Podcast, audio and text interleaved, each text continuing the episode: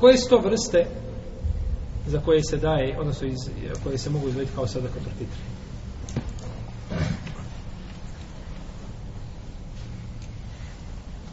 Ovdje u hadisu spomenuto datule spomenuto i ječam.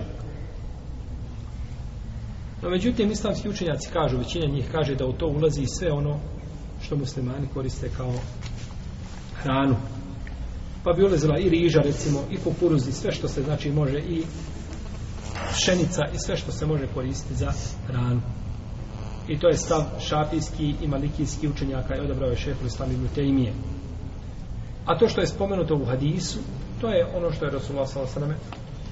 naveo jeli, ili što se je koristilo najviše u Medini u to vrijeme a nije nikako se time znači htjelo ograničiti samo na te, te znači ovaj vrste jeli, li koji su spomenuti.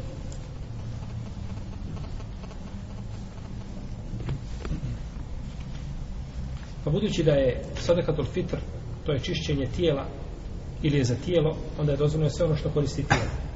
Za razliku od imetka, jer tijelo, sve to, sve to tijelo može koristiti, tako? Za razliku od imetka, njime se čisti tijelo od imetka. Imetak se čisti. Da se čovjek svakako ima nagradu za to. A se čisti i metak. Pa onda treba biti šta od iste vrste. Znači treba biti taj i metak koji se znači izdvaja te od iste vrste. Što se tiče ambelija, oni kažu može samo mogu datule i može ječam i pšenica.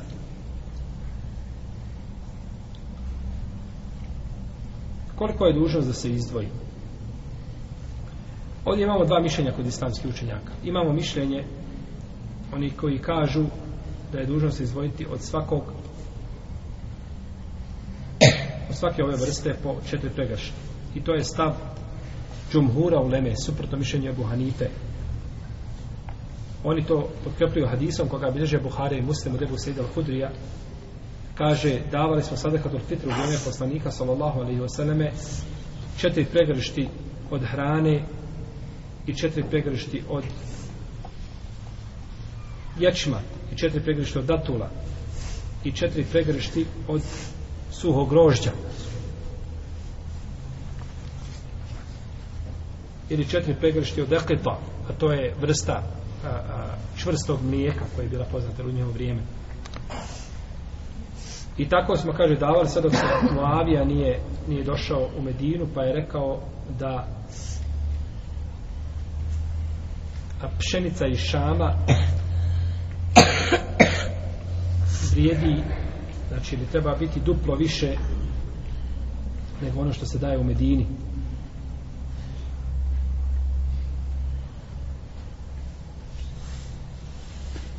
odnosno a, kaže vidim da su dva muda od šamske pšenice ista kao četiri muda da tula.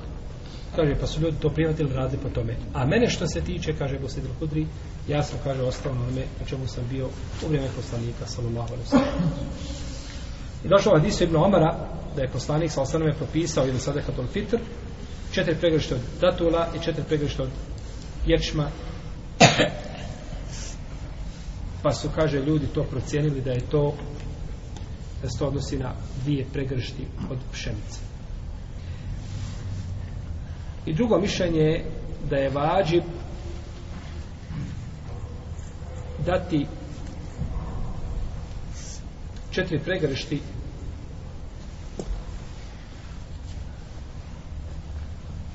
i to je uh, jeli da je vađib dati uh, sa osim od pšenice od pšenice se daje samo pola i to je mišljenje imama Ebu Hanife rahimahullahu ta'ala I to dokazuje hadisom koga bilježi Ebu Dawud u svome sunenu, kome kaže